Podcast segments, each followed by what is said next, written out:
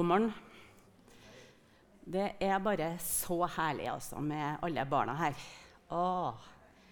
Heller at det er noen som turner litt rundt her, enn at vi sitter bare en bunch med gamlinger. Åh. Det her er Ja, de er menigheten nå, og de er menighetens framtid. Begge deler.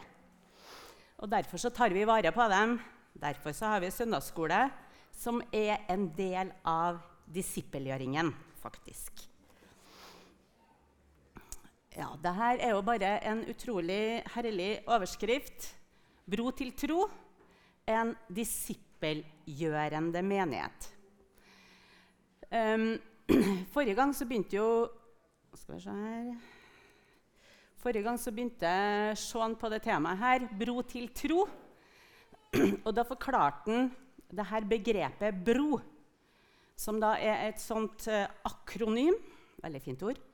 Som betyr at du tar første bokstaven og setter sammen. B-r-o. Bønn, relasjon og ord. Og det er med da å skape ei bro for dem som ennå ikke tror, til å komme nærmere Jesus og etter hvert bli kjent med Jesus og etter hvert bli disippelgjort. Så det er det vi satser på, og det er det de her navnene som vi har satt opp her, handler om også. At vi ber Gud lede oss eh, i bønnen, sånn at vi kan be for folk, og så bygge relasjon til dem og dele evangeliet med dem. For Gud vil jo at alle mennesker skal bli frelst. Og vi er jo hans medarbeidere.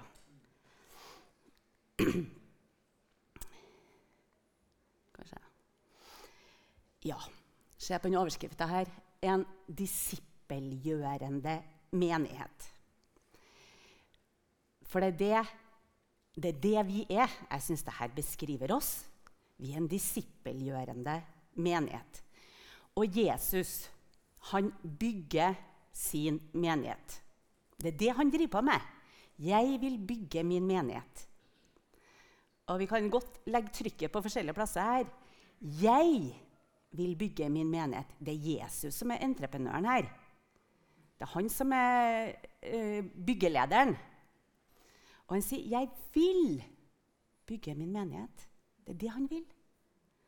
Og han sier, det er, 'Jeg bygger min menighet'. Det er ikke pastorens, det er ikke pinsebevegelsens eller pavens. Nei, det er Jesu menighet. Og jeg vil bygge min menighet. Det er det han driver på med. Og det her er vi med på. Vi er med på det byggeprosjektet.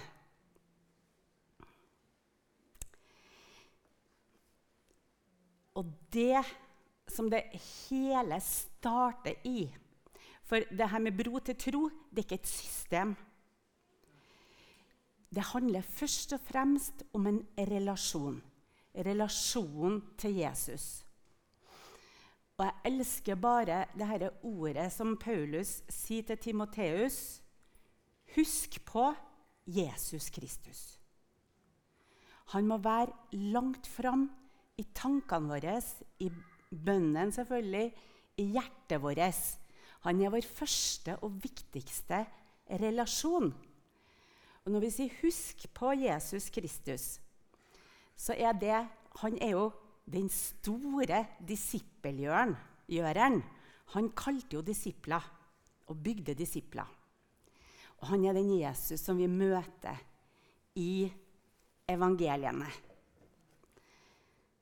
Han som gikk omkring og gjorde godt. En levende, varm, god Jesus som elska et godt måltid sammen med sine venner. Som tok dem med på fisketur og fjelltur. Spektakulære fjellturer på flere måter. Eh, Jesus som elska barna, og som ble sint når noen prøvde å hindre barna i å komme til han. Og Jesus som var full av medlidenhet med de syke og lidende, og som helbreda dem i Guds kraft. Og Jesus som, han ble aldri skremt over at mennesker hadde gjort de mest umoralske ting. Han torde å komme nær og si, 'Heller ikke jeg fordømmer deg. Gå bort og synd ikke mer.'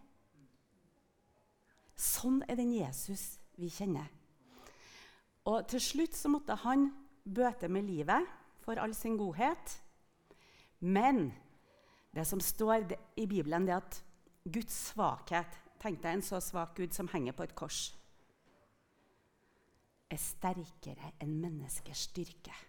Fordi at når han døde på korset, så frelste han oss. Og han Offiseren som sto der og så at Jesus ånda ut for siste gang, han sa sannelig, denne var Guds sønn. Han er Guds sønn, han er Gud. Han bar våre synder. Og det er av han at vi velger å leve et disippelliv og et litt annerledes liv. Vi er her på søndager fordi at vi kjenner han og følger han. Så det må vi ikke glemme, at her begynner hele Bro til tro, altså. Husk på Jesus Kristus. Og før Jesus for opp til himmelen, så ga han denne befalinga til disiplene.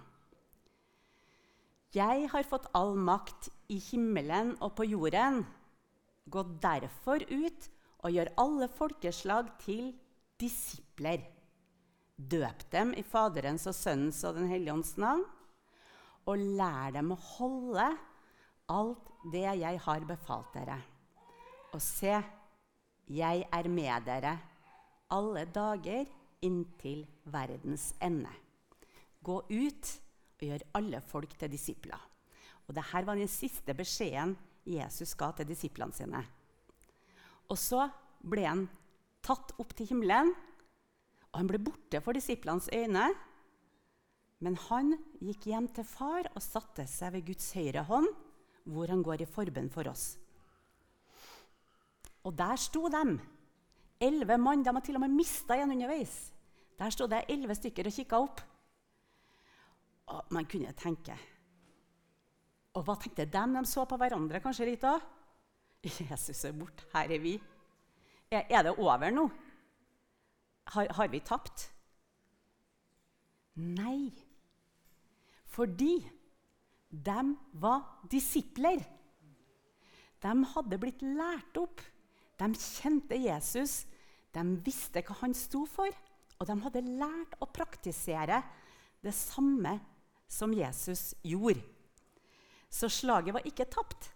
For de stolte på Jesus og gjorde akkurat det de fikk beskjed om, nemlig dro til Jerusalem, tilbake til byen, til øvre salen, og satte seg og venta på løftet som Jesus hadde gitt, nemlig Den hellige ånd. Og ti dager, ti dager det er et ganske langt bønnemøte. Men de bare stolte sånn på Jesus. Og han holdt sitt løfte, og på pinsedagen så kom Den hellige ånd. Og de gikk ut og fortsatte Jesu gjerninger.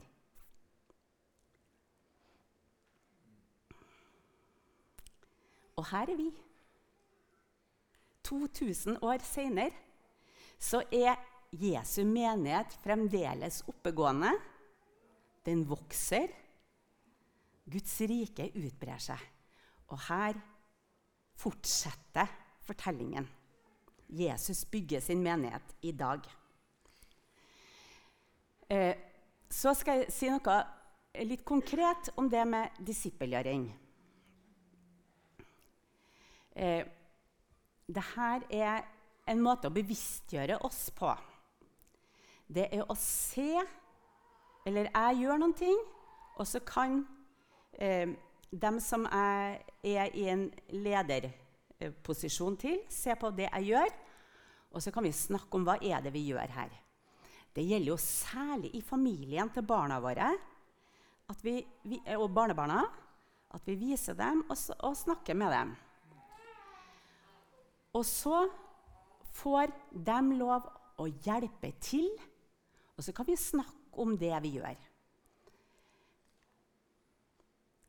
Og så får disippelen lov å gjøre. Og da er det vi som bare hjelper til. Og så kan vi snakke om hva vi har gjort. Og så er det disippelen som gjør, mens eh, disippeltreneren ser på. Og vi samtaler om det. Hvordan gikk det her? Eh, hvordan kan du gjøre det enda bedre? Det her gjorde du kjempefint, altså. Får dem oppmuntring. Og så, til slutt, så er disippelen utlært. Disippelen gjør noe, andre ser på, og vi snakker sammen. Og dermed har vi begynt på en ny disippelgenerasjon. Og sånn er det at eh, folk blir gjort til disipler. Jeg husker en, eh, når jeg, En gang jeg var i Zambia, så snakka jeg med han som var lederen for bibelselskapet der. Og så sa han jeg vet jo det, sa han, han som er president i Zambia i dag, han leda jeg til frelse. Jeg fikk be til frelse. Og er det én ting jeg angrer på, sa han, så var at jeg ikke tok meg mer tid til disippelgjøring. han var ikke en helt topp president. Men hadde han gjort som han angra på etterpå, da, trent han opp, så hadde de fått en, ikke bare en troende president, men en som hadde gått inn i helliggjørelsen og etterfølgelsen av Jesus. Det hadde jo vært veldig bra for Zambia. sant? Og det er veldig bra for menigheten. da. Så disiplene de så hva Jesus gjorde, og så sa Jesus dere ser hva jeg gjør nå? Dere skal gjøre det samme som det jeg gjør. Og på den måten så vokser menigheten. Og faktisk, det står i apostlenes gjerninger om eh, disiplene i Antiokia. I Antiokia ble disiplene først kalt kristne. Det var de andre som så på dem. og sa, du ser på her, da, de disiplene her. De ligner jo på Jesus. De er kristne. Det var nesten et sånt skjellsord. Men det var fordi de ligna sånn på Jesus. Så kristen da, det er en som ligner på Jesus.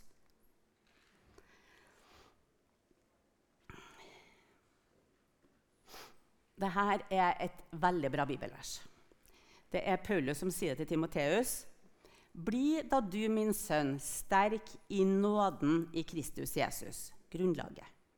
Det du har hørt av meg i mange vitners nærvær, overgi det til trofaste mennesker som også er i stand til å lære andre. Ser dere her? Det er fire generasjoner her. Det er Paulus, som har undervist Timoteus, som skal overgi det til trofaste mennesker, som igjen skal lære andre. Dette er disippelgjøring.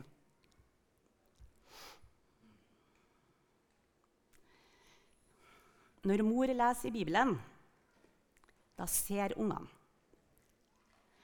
Og så leser mor for sine barn, og far, selvfølgelig. Hold fedrene utafor her. Og så får de kanskje en barnebibel, og så leser de sammen i barnebibelen. Og så, når ungen lærer seg å lese, så kan hun sjøl lese i Bibelen. Og mor og far ser og oppmuntrer. Flott liksom at du leser. Og så til slutt så har Amanda lest ut barnebibelen. Og da får hun kanskje en litt mer sånn voksenbibel, en ordentlig bibel, som hun kan lese i. Og så blir hun en bibelleser. Og nå skal jeg stille et spørsmål her. Um, fordi at um, nå har vi Bibelen på sånn um, telefon. Og noen ganger så, så, tenker jeg litt rundt det pedagogiske i dette her. Fordi at Vet ungene at jeg leser Bibelen nå, eller tror de at jeg er på Facebook? Men hvis jeg tar fram den fysiske Bibelen, så ser de Oi, se der ja, sitter mamma og leser Bibelen. Eh, og også i kirka. Kanskje vi skulle vi hatt så mye lys i salen at folk får til å ta fram Bibelen og slå opp at dette er ei bruksbok som, eh, som barna bli kjent med. For det er faktisk en del av disippelgjøringen. Dette er bare et forslag nå.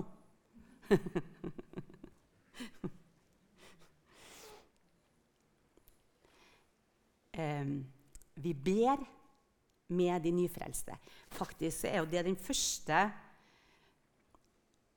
og viktigste tingen når vi skal lede noen til tro, det er å si det her Be etter meg. Nå skal vi snakke med Gud.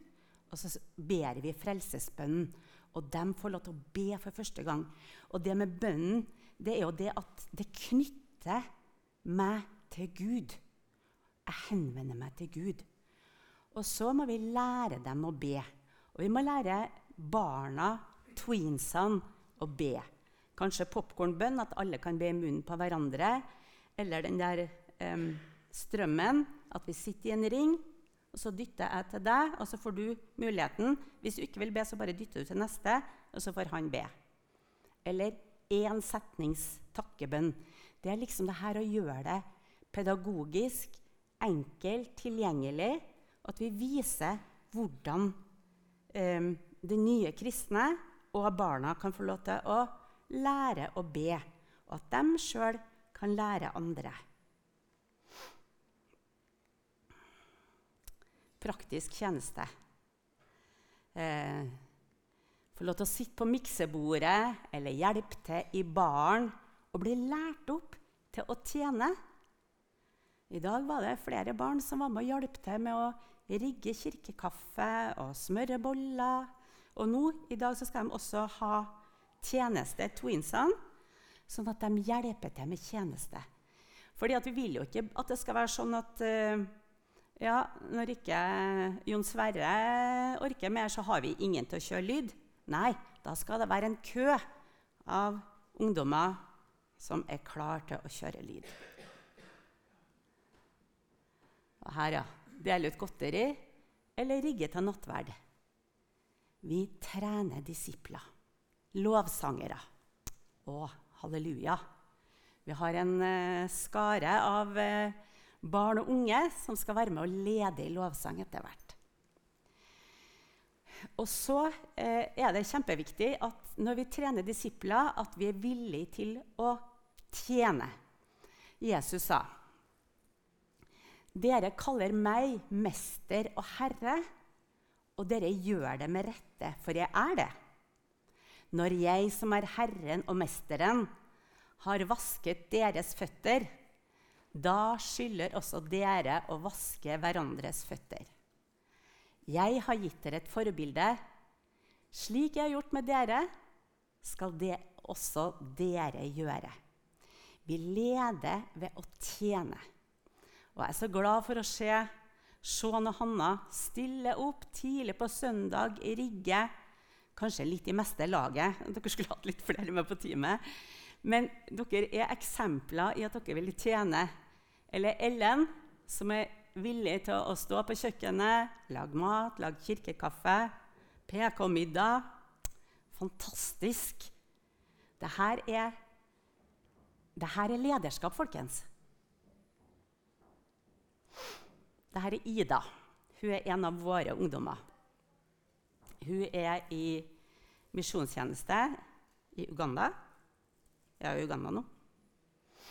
I Ungdom i oppdrag. Men før hun dro, hun var 19 år, før hun dro dit, så hadde mora og faren vært ute i tjeneste i Mosambik et halvår. Og eh, de sitter jo her, foreldrene Audun han pendla mellom Nordsjøen og, og Mosambik eh, mens Conny var der. Og hva lærer de? Jo, de lærer at ok, verden er ikke så farlig. Det går an å forkynne evangeliet flere plasser. Og så dro hele familien på disippeltreningsskole på Hawaii. Og da går det helt greit når du er 19 år. Og, for du har, opp, du har, du har blitt lært opp, fått erfaring. Det er ikke skummelt. Det her kan jeg gjøre. Så når de får en tanke i hjertet sitt, så tenker jeg ja, nå tror jeg faktisk at Den hellige ånd sier noe til meg. Jeg skal gå. Fordi at de er lært opp. Se på den menigheten her, da. I snø og 20 kuldegrader. jeg tok med det bildet her fordi at vi kan vise dem som vokser opp, dem som kommer til menigheten, at menighet, å, samles som menighet, det er viktig. Det er ikke sånn 'Å nei, nå ble det morsdag.' Ja, nei, da kan vi ikke, nei. Nei, 'Å, nå ble det så fint vær.' Nei, men da Nei! Når vi prioriterer, så ser våre barn det her er viktig. Altså søndager, da møtes vi med de andre kristne. Og det er også disippelgjøring, folkens. Det å være trofast og sette et eksempel. Nå må jeg bare se at jeg følger notatene mine her. Det går mot slutten.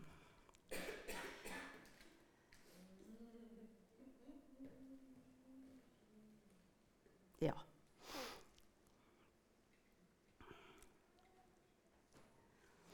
Eh, den modellen som er eh, presentert her nå, den kan være nyttig for å bevisstgjøre oss eh, til det med bønn, relasjon eh, og ord. At vi samtaler om troa.